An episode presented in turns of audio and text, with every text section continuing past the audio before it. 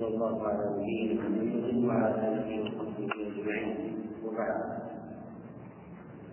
ففي كتاب الصيام من بلوغ الحرام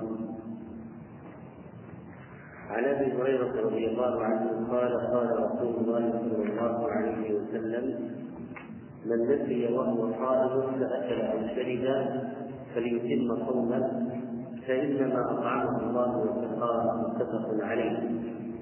وللحاكم من أفطر في رمضان ناسيا فلا قضاء عليه ولا كفار وهو صحيح. فالحديث صححه ابن حجر رحمه الله تعالى. وقوله فليتم صومه فليتم صومه اللام لام الامر وقوله فإنما أطعمه الله وسقاه هذا تعليل لماذا لا يفطر من أكل أو شرب ناسيا لماذا لا يفطر؟ لأن الله أطعمه وسقاه فالرزق هنا لما كان من الله وليس للعبد فيه تحيل ولا سبب. العبد لم يثبت شيئا في ذلك ولم يتعمد شيئا فلذلك لم ينسب إلى العبد وإنما كان رزقا من الله. فلا صنع للعبد فيه ولا تعمد ولا نية وإنما جاء انسيانا وقوله إنما هذا أداة حق ليفيد أن ما أن ما أطعمه وسقاه إلا الله. ما أطعمه وسقاه إلا الله. والنسيان من الله عز وجل. تقدير النسيان من الله. هو الذي قدر على هذا العبد أن يفطر أو أن يأكل ويشرب وهو ناسي. هل عليه كفارة؟ لا. هل عليه قضاء؟ لا. يتم صومه ويتم الآن المسألة هل يلزمك إذا رأيت شخصا يأكل أو يشرب ناسيا في رمضان هل تذكره أم لا؟ الجواب نعم عليك أن تذكره أولا لأن هذا بالنسبة لك منكر إذا رأيته ومن رأى منكم منكرا فليغيره كونك ترى واحد يأكل ويشرب في نهار رمضان. نعم أنت قد يغلب على ظنك أنه ناسي لكن الأصل أن هذا شيء ينهى عنه فأنت تنهى عنه لأنك رأيته. ثانيا عموم قول النبي صلى الله عليه وسلم فإذا نسيت فذكروني إذا نسيت فذكروني فكون هذا الشخص ناسي فأنت تذكره لعموم الحديث. وثالثا أن في ذلك إعانة له على أتمام عبادته. وعن أبي هريرة رضي الله عنه قال قال رسول الله صلى الله عليه وسلم من زرع الخير فلا قضاء عليه ومن استقاء فعليه القضاء رواه الخمسة وأعله أحمد وقواه الدار وهذا الحديث قال عنه ابن حجر رحمه الله رواه ماجه اسناده ضعيف ومن ضعفه البخاري فقال لا أراه محفوظا وذكر اسماء أحمد وقال الترمذي لا يصح في هذا الباب شيء.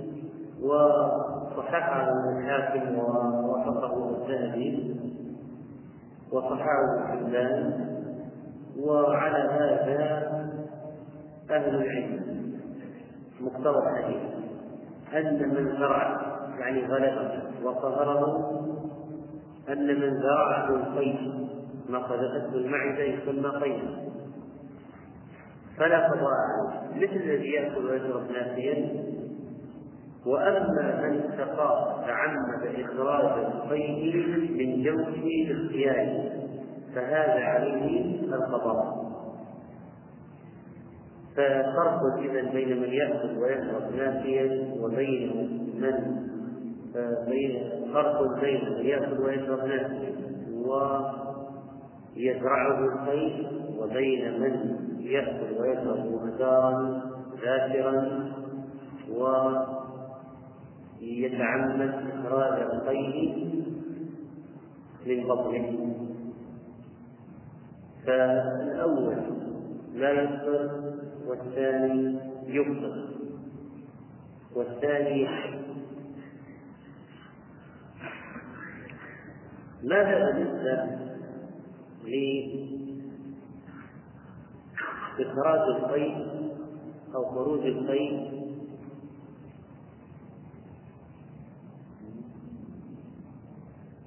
بوضع اصبعه أو تناول أي شيء يؤدي إلى الخير أو يعصر بطنه أو يتعمد شم الروائح الكريهة أو النظر إلى المناظر البشعه التي تؤدي إلى الاستغراب إذا تعمد الخير يمكن أن يكون بالنظر باللمس بوضع الاصبع بأشياء كثيرة. أن يتعمد ما يؤدي إلى الخير. يتعمد ما يؤدي إلى الخير. والصائم كما أنه منهي عن إدخال ما يقويه ويغذيه من الطعام والشراب. حال الصيام فإنه منهي أيضا عن فعل ما يطعمه أثناء الصيام كالحجامة والقيد وغير ذلك لأن المفطرات منها ما يكون بالابتلاء ومنها ما يكون بالاستخراج والاستقرار ومن ذلك خروج المني فإنه لا يجوز أن يكون عبدا. قضية المكيال وال وال والإكراه. واضح من الحديثين أن من فعل شيئا نافيا لا يكفر لا يكفر ماذا بالنسبة للإمام؟ هذه مسألة حقيقة اختلف العلماء فيها في من جامع نفسه لو فرضنا القضية فرضنا القضية يعني عممناها ماذا سنقول في من جامع نفسه؟ هل يفطر أو لا يفطر؟ لا لو عممنا مسألة النسيان سنقول لا يفطر وهذا مذهب وهذا ما ذهب اليه الشيخ تقي الدين رحمه الله وقال هو هو قياس أصول احمد وغيره.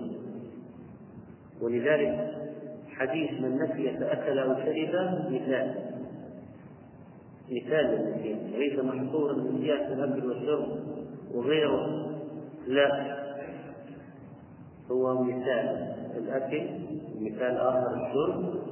لا قضاء ولا كفارة لكن المشهور بمذهب الإمام أحمد وغيره أن عليه القضاء والكفارة لماذا؟ ذكروا منها قالوا إن الرسول صلى الله عليه وسلم لم يستقصد الرجل لما جاءه قال هلك ما هلكت وقع على زوجته وهو صائم في رمضان. أمره بالكفارة. قال يعني ما تفصل منه هل أنت ناسي أو لا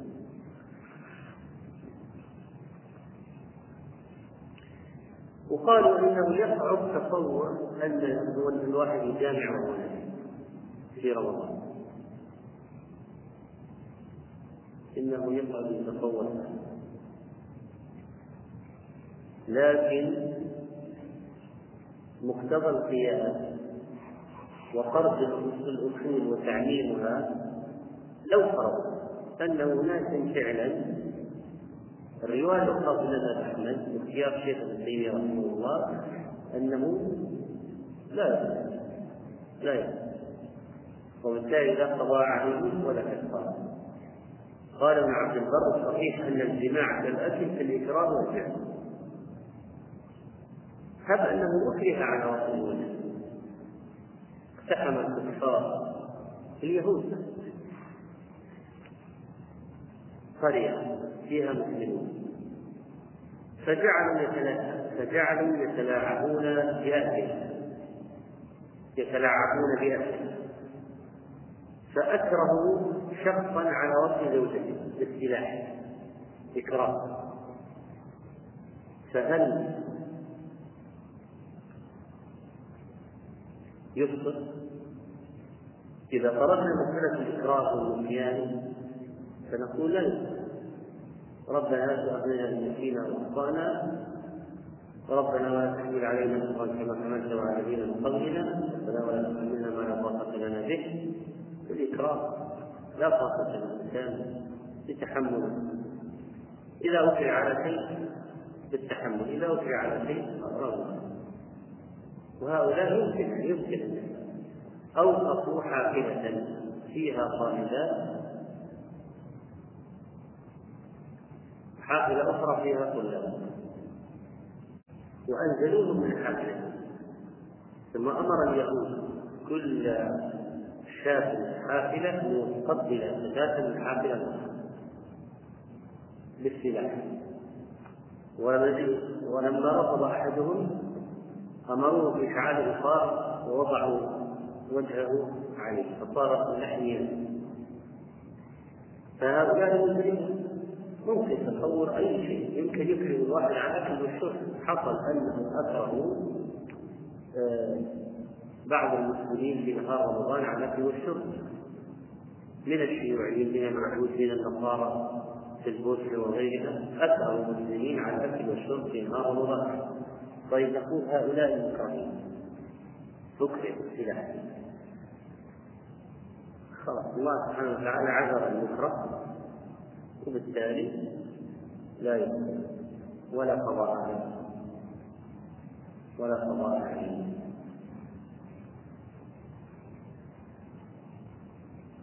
المفطرات منها ما يكون بالجماع وهو أسوأ المفطرات تغييب الحدث حدث في قبل أو دبر ولو لم يحصل إنزال وهذا يوجب بالإضافة للقضاء الكفارة المغلظة يوجب كفارة الجملة. ويجب عليه بالإضافة إلى ذلك التوبة إلى الله زائد قضاء اليوم الذي إلى أن واحد جامع في نهار رمضان عمدا ماذا يجب عليه؟ التوبة وقضاء اليوم الذي أفسده وصيام وعتق رقبة فإن لم يجد فصيام شهرين متتابعين فإن لم يستطع فإطعام ستين مسكينا هذا لا يكون إلا عند الإيلاد إذا أولد ومثل الختان ختان أما إذا لم يولد فليس عليه هذه الكفارة المغلظة. ولو كان إنزالا بغير جماع فسد صومه وأثم وعليه إتمام الصوم وقضاء اليوم والتوبة إلى الله فلا يقول أنا أفسدت اليوم. آكل وأشرب يقول لا. تمسك بقية يومك وتقضي بدلا منه وتتوب إلى الله. وإن كان الجماع استحقارا لله في الأكل والشرب بطبيعة الحال من المخدرات وشرب الدخان من المخدرات حاول بعضهم أن يثير قضية الدخان هذا. أنه لا يخدر ولكن محاولة فاشلة هذا هذا المعاصي معتدي على حرمة الصيام هذا الدخان فيه أشياء ومواد. وهذا النيكوتين السام وغيره. والإبر المغذية سبق أن قلنا أن في حكم الطعام والشراب سواء كانت في الوريد في العضل في أي شيء ما أنها مغذية تقوم مقام الطعام والشراب فإنها تفطر ويفطر في أشياء تفطر باسم وأشياء تفطر بلا فالأشياء التي تفطر بالاسم مثل الجماع عمدا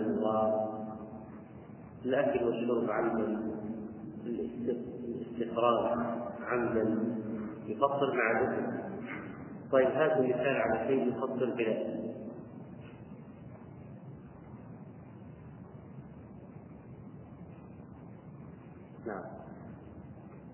أيوه. نعم. إذا اضطر لاستعمال المغذي إذا اضطر لتناول شيء تناوله بلا يفضل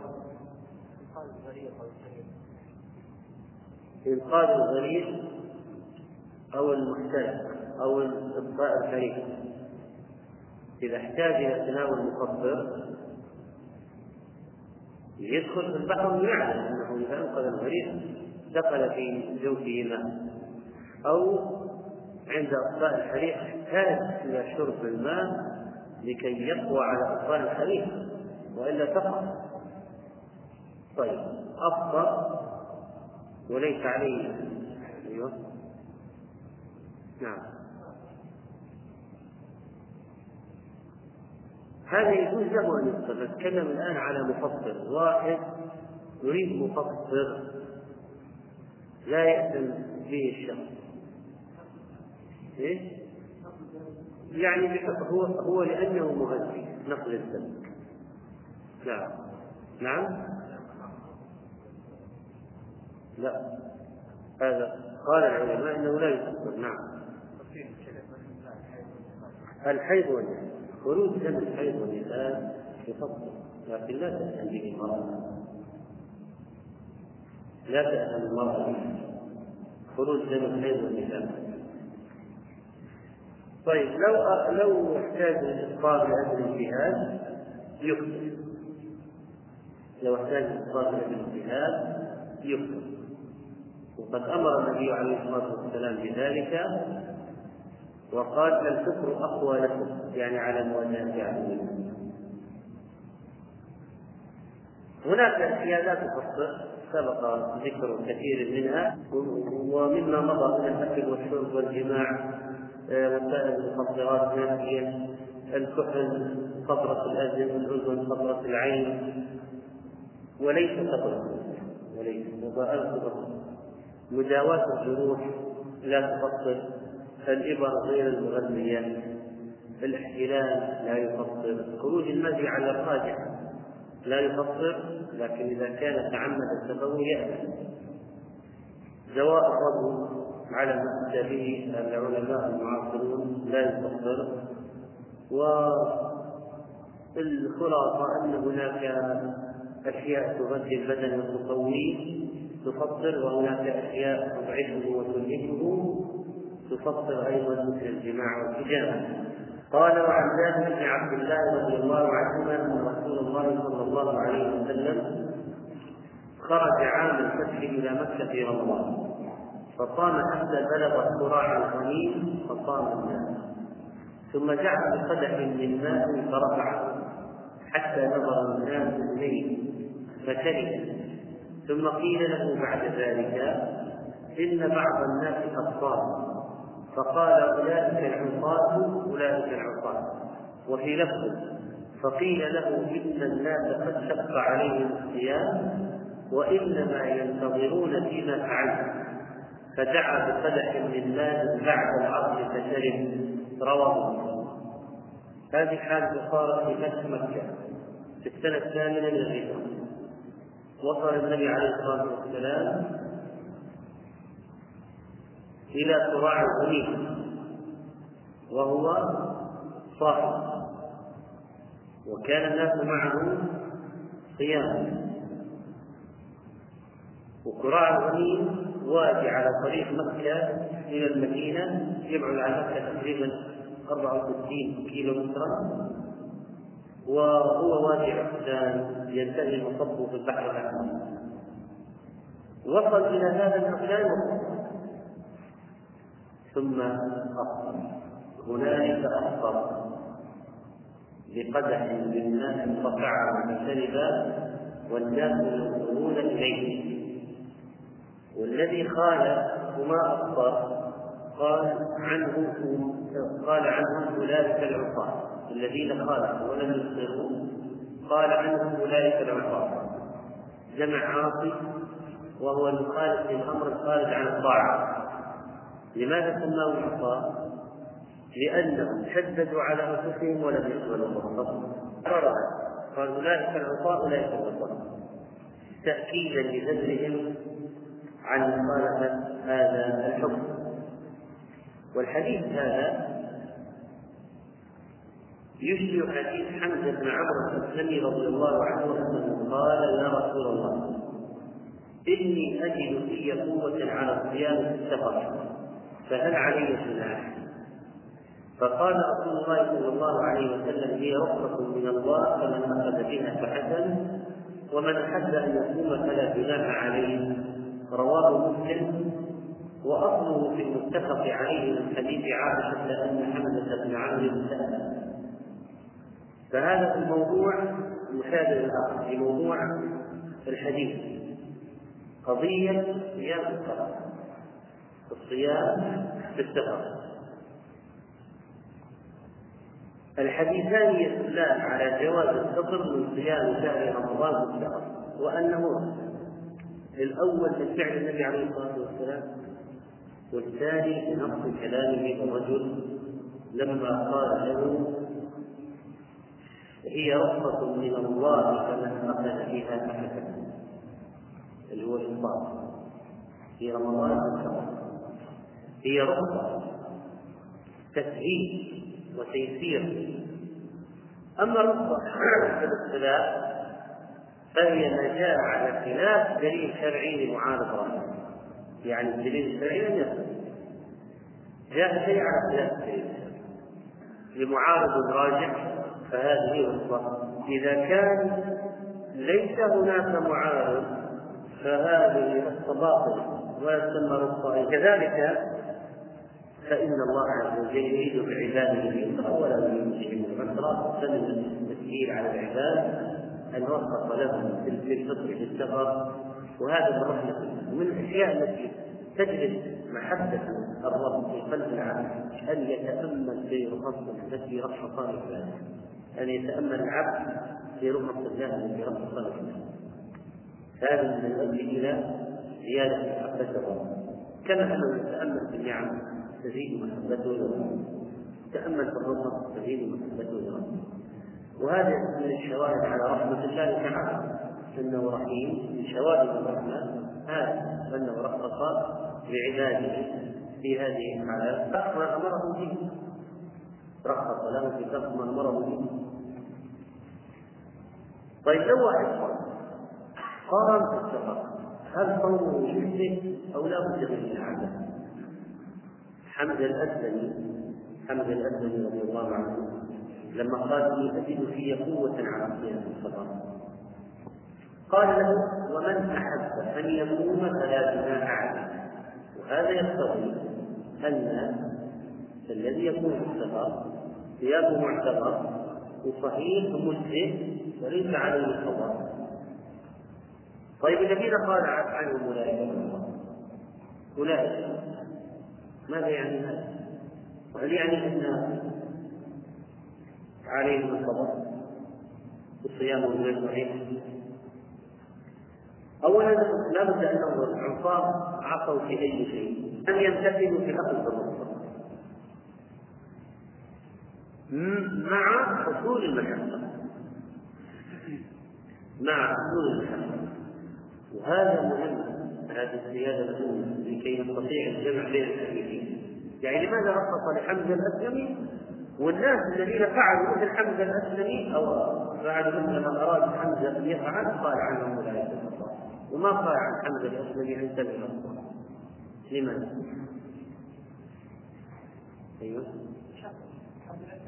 لأن حمزة الأسلمي ما كان عليه وأولئك شق عليهم لما جاء في بعض بعض ألفاظ حديث أولئك العصاة جاء في بعض الألفاظ أن قد شق عليهم الصيام. فواحد شق عليه الصيام وما يأخذ الرخصة قال لكن واحد ما شق عليه الصيام. وصار. فهذا لا لم يعقل في هذه الحال لو أنه صام في البر سافر في الظل والبرد ومن يخدم هناك من يخدمه. وفي زماننا هذا يعني سافر في الطائرة بالدرجة الأولى بالتكنوكين إذا هو ممكن الإنسان يسافر في حال لا يشق عليه السفر أو المشقة يسيرة يسير. يمكن أحيانا يكون قد يقول قائل أنا إذا أفطرت المشقة علي أكثر كيف؟ قال أنا الآن لاعب في الطائرة قبل المغرب بساعة. فأنا أروح الآن أصوم 13 ساعة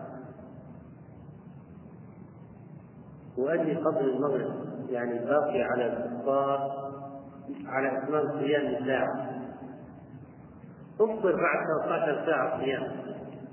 ثم أقضي بدلا منه يوم ثاني 14 ساعة صيام أيضا.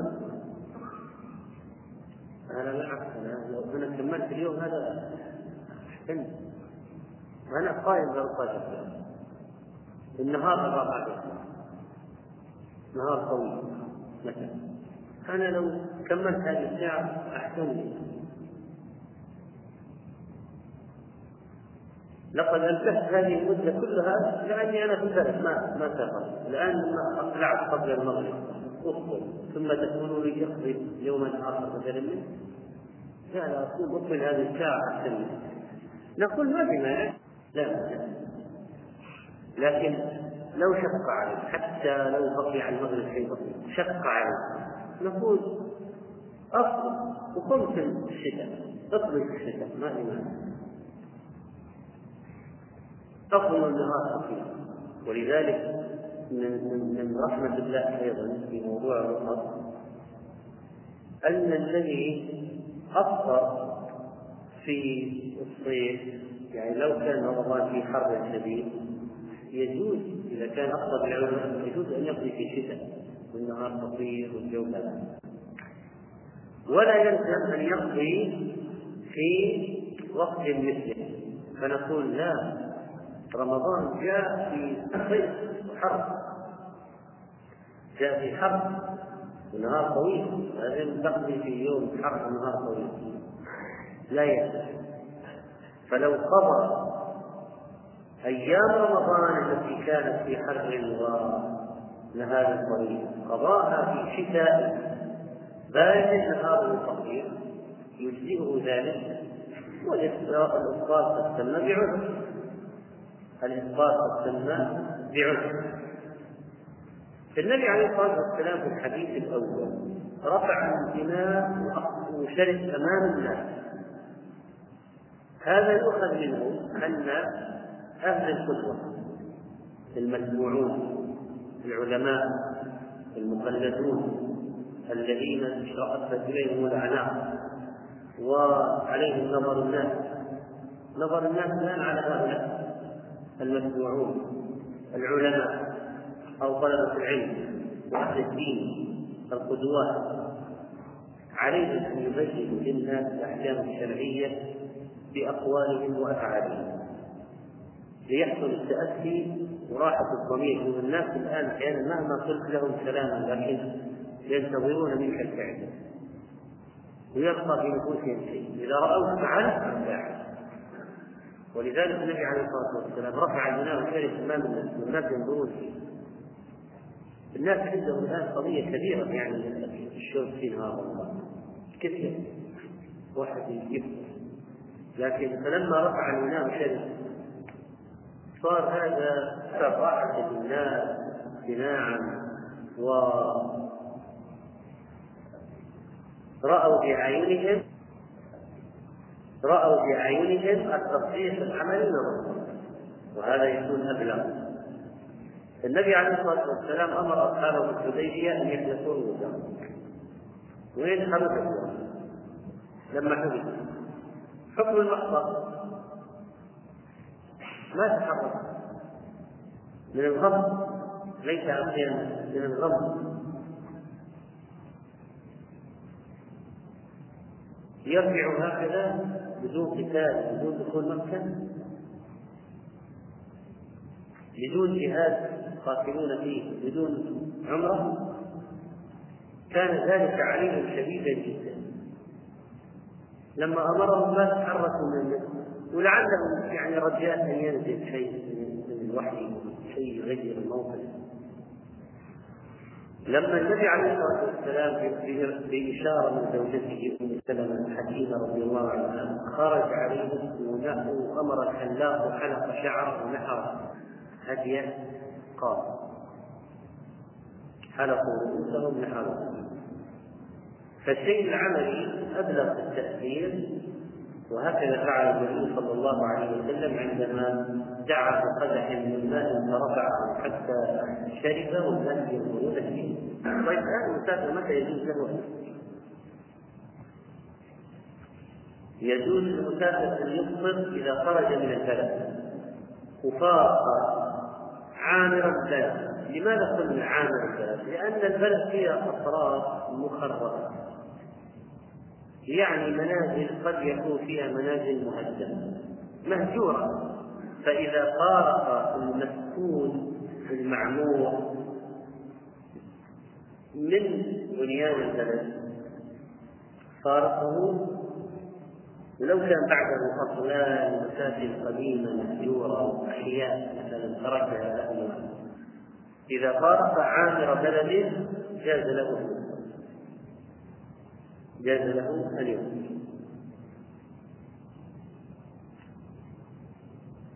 والانفصال عن البنيان ومغادرة البنيان قد يتم بسيارة وقد يتم بإقلاع في طائرة يغادر بنيان البلد يجوز له أن يدخل ويدخل في ويدخل وقت وقت السفر. إذا لمفارقة عامل البلد.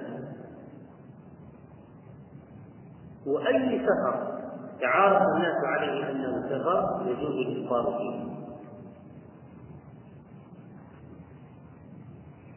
طيب آه، هناك بعض العلماء يقولون إن سفر المعصية لا لا يجوز الافطار يقولون هذا يذهب لمعصية سفر لمعصية. سافر بحرام نقول له افطر في رمضان؟ لا. نبيح له ما يعينه على السفر؟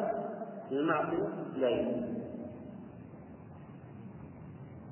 وذهب شيخ الإسلام رحمه الله إلى عموم الرخصة في سفر الطاعة والمعصية قول الجمهور لا يرخص لمن سافر سفر معصيه ان يفطر ولا يمكن أن نسمح له أو نعطيه الرخصه بذلك وسفر السفر معصيه ولنجعله يشعر أنه لا يستحق الترخص ما دام له السفر معصيه واحد سافر إلى هذه الكفار بدون عذر. واحد سافر سفرا يجب عليه أن يستأذن والديه وما استأذن واحد سافر بتجارة محرمة واحد سافر ليسرق واحد راح يمشي يشرب الخمر في بلاد الكفر والإباحية أو الفسق والفجور طيب هذه أسفار المعصية كثيرة و لو سافر أيضا ليعقد فصل ربوية. قالوا نريد تغفر لنا قروض ربوية من مصارف في الخارج. أنت منتدب في هذا العمل.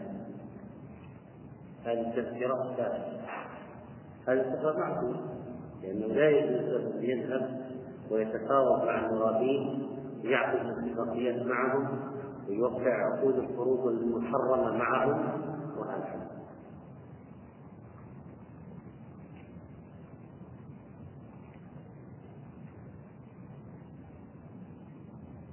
طيب نحن عرفنا الآن أن المسافر يجوز له أن يصوم يجوز له أن يفطر إذا شق عليه فإنه يفطر إذا كان لا يشق عليه يجوز له أن يفطر وهذه خلاصة المسألة لو واحد سأل أيهما أفضل في السفر الفطر أم الصيام؟ لأن بعض العلماء قالوا الأفضل مثلا الصيام، ليش؟ قالوا أسرع في إبراء الذمة مثل فقال فيها تفصيل، إذا كان في مشقة أفضل الفطر، إذا كان لا يوجد عليه مشقة مشقة خفيفة جدا فإنه لا بأس عليه أن يصوم. ولكن هل يمنع الإنسان من الترقب؟ لو كان سفر مريح جدا جدا. هل ينكر عليه الإفطار؟ لا ينكر ولو سافر سفرا مريحا للغاية. مريحا جدا.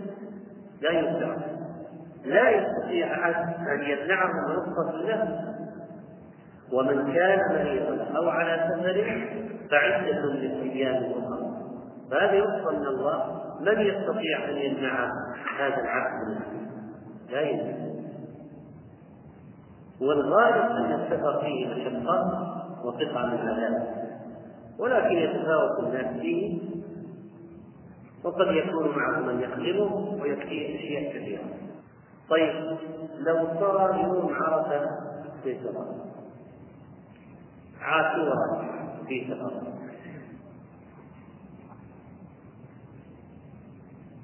في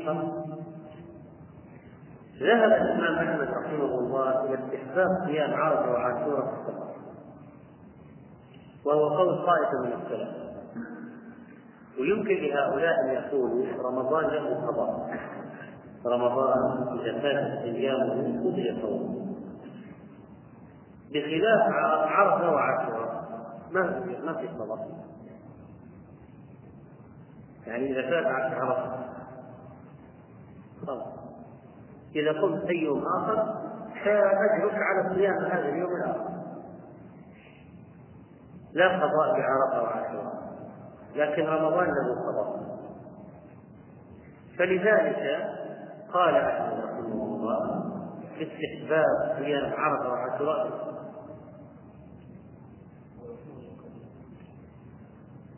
هو السفر أصلا لا أصلا الأصل في السفر الذي مشى. وكلامه على العموم كلامه رحمه الله على العموم. طيب هناك هناك دائما في السفر. مثلا أهل البريد الذين يوصلون البريد بالرسائل من بلد إلى أصحاب سيارات الاسره الذين ينقلون الناس من بلد ملاحو الطائرات والسفن. شغل دائم هذا شغل اصل في ناس يشتغلون في التنقيب عن المرض لا يوجد في ناس عملهم في البحر أكثر من البر، ناس عملهم في الوزار والصحاري ثاني إذا رجع إلى البلد يرجع أيام ثم يسافر شغله أكثر هذا طبيعة أنه دائما أو أكثر وقته في سفر. هل هذا الإنسان يفطر أم لا يفطر؟ قال الشيخ عبد العزيز بن رحمه الله. إذا كان الإنسان المسافر يحمل أهله معه أو ليس له أهل وسفر دائم. فإنه يلزمه الصيام لأن سفره هذا غير منقطع. دائما مسافر لو فرضنا واحد دائما متحرك مسافر إذا هذا يصوم لأنه متى يقضي أصلا؟ هذا أصلا يعني كل أيامه هذه في أسفار على مدار العام.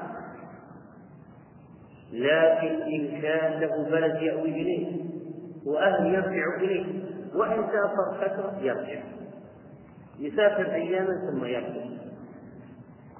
قال وإن كان له أهل ولكن لا يحمله معه فهو يخير بين الصيام والإفطار.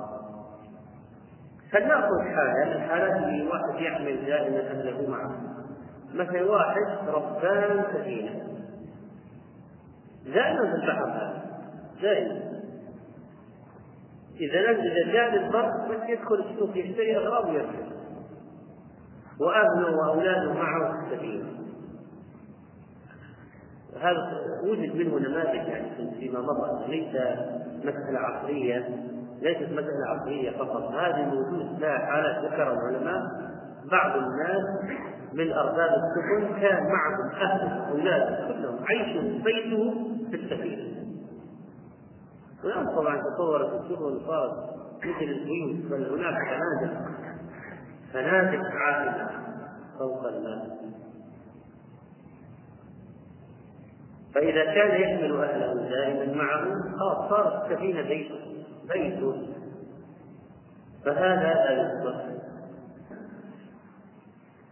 آه، هناك من أهل العلم من من أفتى بإفطار من أفتى بترخيص الفطر للمتعدين الخارج قال هم مسافرون ولو ولو مكثوا سنوات.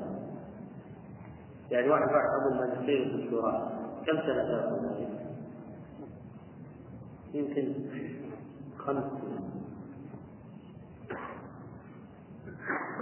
فبعض أهل العلم أفتى بأن هذا على سفر قال كيف أنه على سفر؟ يعني أنه يقصر الصلاة يقصر في أمر. يجوز له ذلك. ولكن جمهور العلماء على خلاف.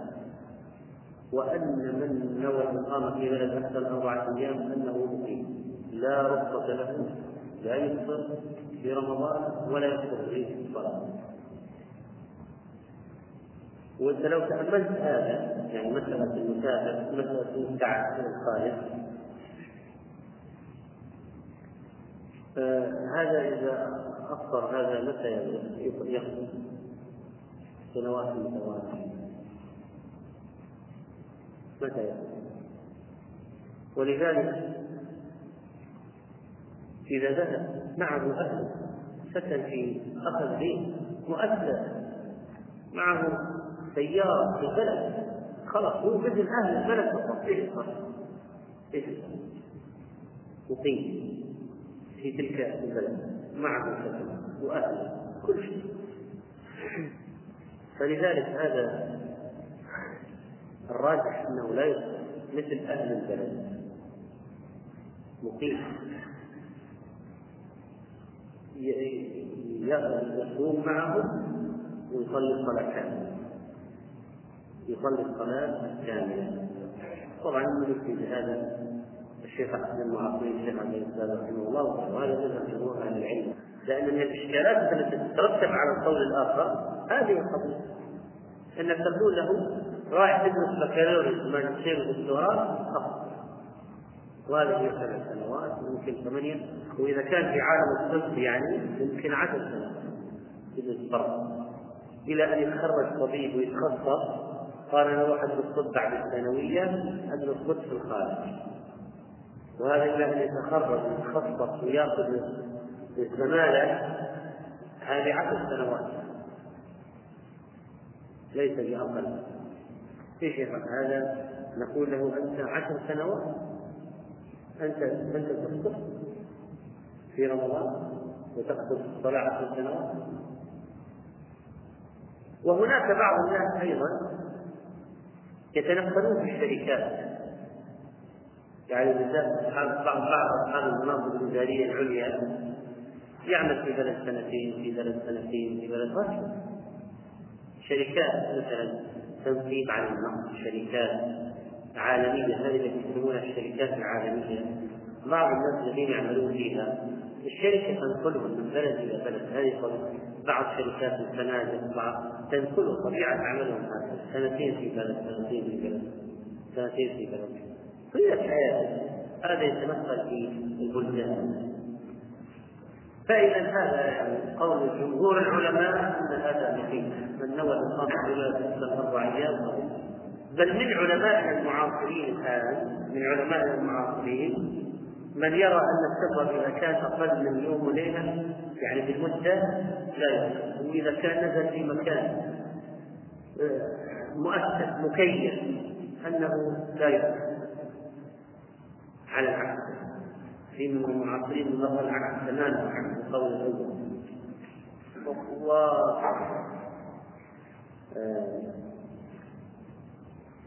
كل القرى وان كل ما تعارف عليه الناس أنه سفر فإنه يبيح الفطرة.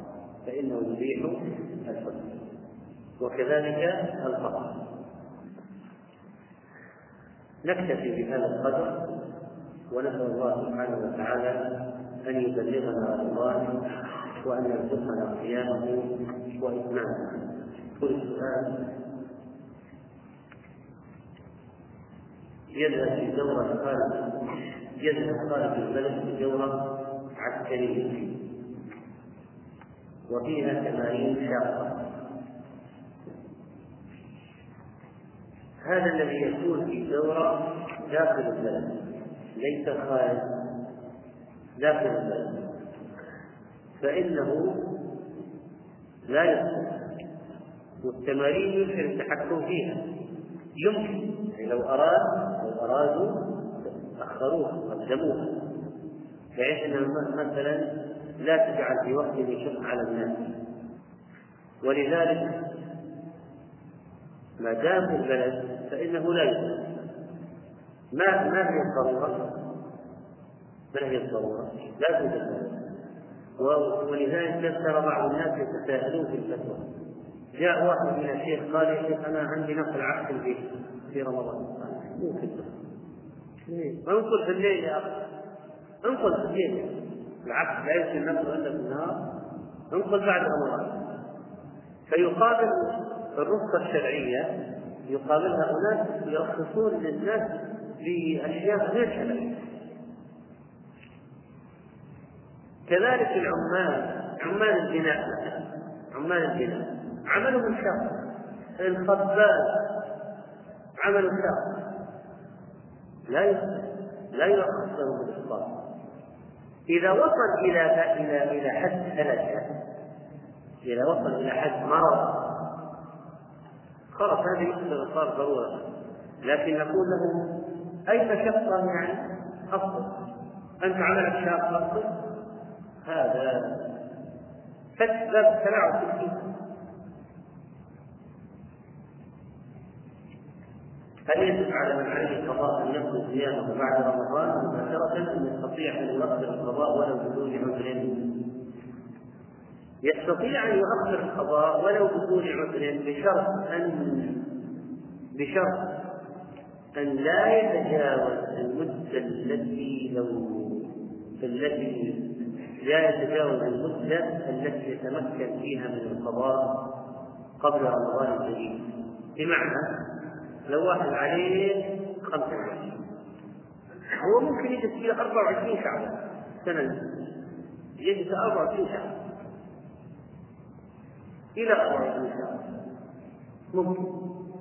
ثم لا بد أن يقضي رمضان ما فاته من رمضان الماضي قبل رمضان الجديد فيكون 24 25 26 27 28 أو يكون 25 يبقى إلى 25 25 26 27 28 يجوز له. ذلك.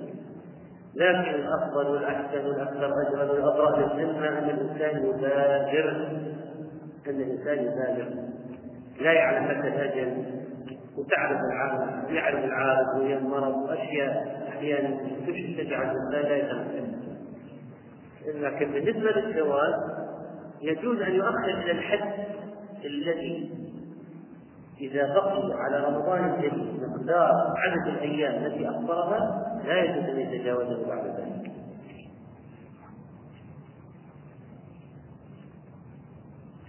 هل هل يعني أنه شرب قائم براء الناس؟ لا يشترط لأنه يشرب ممكن يشرب على الراحلة هو فوق الراحلة يشرب والناس ينظرون إليه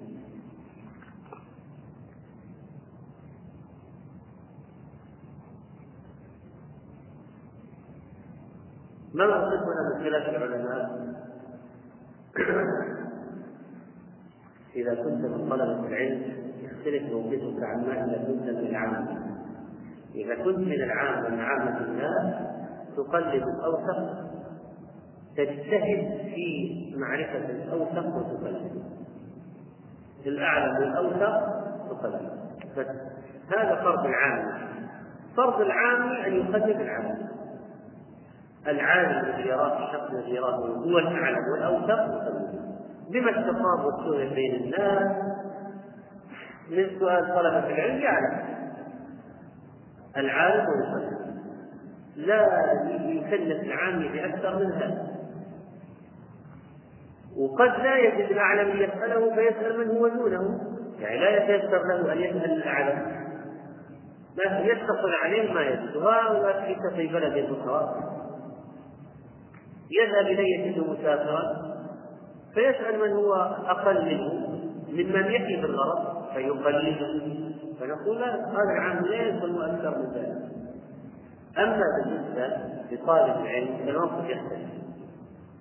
طالب العلم يستطيع أن يوقف الأقوال يستطيع أن يمحص الأدلة يستطيع أن يوازن ما هي حجة الفريقين. ممكن يعرف الأقوى ممكن يعرف الأرجح فهذا هذا يختلف حاله عن العالمين. وهذه القضية قضية الأرجح والأقوى تحتاج إلى تفصيل وفهم وليس أي واحد يستطيع أن يرجح بين الأقوال لأن المسألة ممكن تتحول إلى اتباع هوى طيب. في الاستمناء أن يدفي نهار رمضان سبق الكلام يتم اليوم ويقضي بدلا منه ويتوب إلى الله سبحانه وتعالى الكفارة المغلظة عشق رقبة فيها ثلاثين مسكين في حال الجماع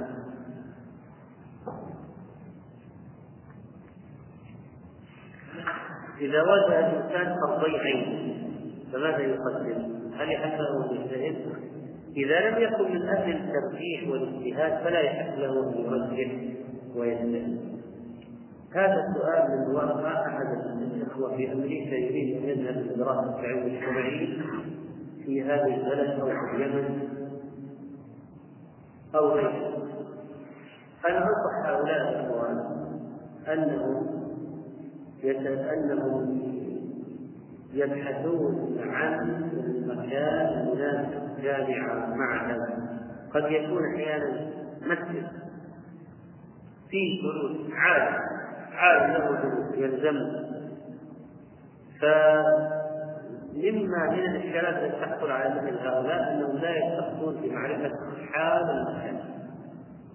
فيسافر مكان بعيد ويأتي مكان فيه اموره مرتبة ثم يأتي إلى مكان آخر يجد الأمور غير مهيئة. الدرس مثلا مرتين في الأسبوع. الشيء الذي كان في ذهنه لا كان متخيل أشياء أنه سيستفيد بطريقة معينة لا يجد ما كان يريد الناس. وبالتالي يصبح عنده نوع من الصدمه وربما نفر من طلب العلم ولذلك لابد من ترتيب الأمور بشكل جيد أو يكون الشخص صاحب عصاميه وهمة عالية بحيث لو ما وجد الشيء الذي كان يريده هو يعوض بالاجتهاد الشخصي. بالاجتهاد الشخصي. ولو ما وجد دروس يرشد دروسه هو مع طلبة العلم. فيذهب يطلب يقرأ من هذا يقرأ على هذا ويقرأ على هذا.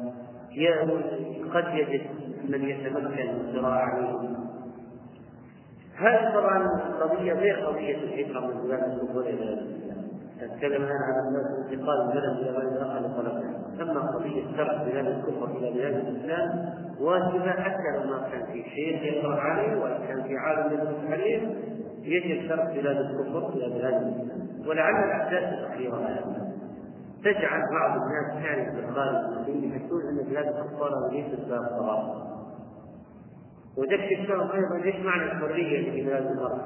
وأن ما هي ذلك وأن الغرب لو وجد الغربيين لو وجدوا أن يعني فرصه للظلم لظلموا. يعني ليس أحداث تكشف حقائق حقيقة الحرية في بلاد الغرب حقيقة العدل الذي يزعمونه.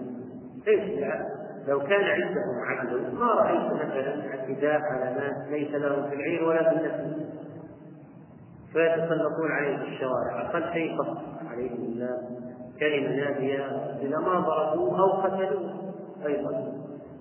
أو اضطهدوه في الشركة وأخرجوه فصلوه ولا في الجامعة. قالوا لا تجد يعني أحسن حال أحوالا يقول لا تجد لا تجد معذور ما تقصد اليوم. طيب والدراسة والفائدة فإذا ما تلك البلاد بداية قرار يجوز أن نبحث عن إخوة في الإسلام نتكلم معهم بالصوت عبر شبكة الإنترنت. فهذا السؤال يعني هل يمكن أن يكون بذلك المقصود بين الذكور والإناث؟ فهذا باب شر عظيم فلو قال أنا أبحث عن إخوة في الإسلام في إخوة بس أخوات يعني أيضا المرأة تبحث ممكن تقول هذا أخ في الإسلام والرجل يقول هذه أخت في الإسلام وفتح باب الشرع ولذلك التخاطب بين الجنسين عبر الانترنت من ابواب الشر العظيمة. وقد أفضت إلى خوارق أفضت إلى محرمات وأشياء سيئة جدا. أما الواحد يبحث عن مسلمين يتواصل معهم يتواصل معهم كرجل مع الرجال يبحث عن مسلمين يتواصل معهم طيب. يعني بقوة دينية من معانيها أن الإسلام أيا ما كان أخاك في الإسلام أيا ما كان أخوك مكانه في شخص وفي ظرف فهو أخلق في الإسلام. تتواصل معه من باب الأخوة الدينية.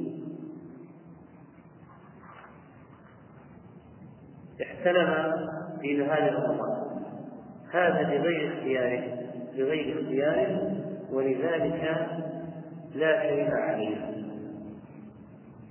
لا شيء عليه لأن الناس مرفوع عنه القلم ولم يحدث بفعل منه. خروج المني هذا في النوم لم يحدث بفعل منه.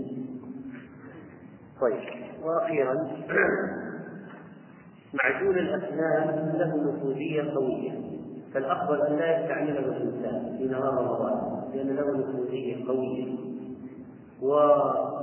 ويستعمل السواك لكن لو استعمل الفرشاة المعدون ولم يدخل إلى حقه شيء ولم إذا لا لا يدخل لكن الإنسان أحيانا يترك أشياء يترك أشياء من المباح حذرا يعني يدع ما لا بأس به حذرا مما يشاء ليش ليش يترك السباحة في نهار رمضان؟ ليه ما يبالغ في والاستنشاق؟ ليش؟ مع أن المبالغة في المضمضة والاستنشاق أفضل طيب في الوضوء. لكن في رمضان لا يبالغ ما يفتح في رمضان. سباحة الرياضة السباحة حذرا من أن يتعرض لما يمكن القول. كذلك مع إذا كان هناك احتمال قوي للدخول إلى الجوف هذا وصلى الله وسلم على نبينا وعلى آله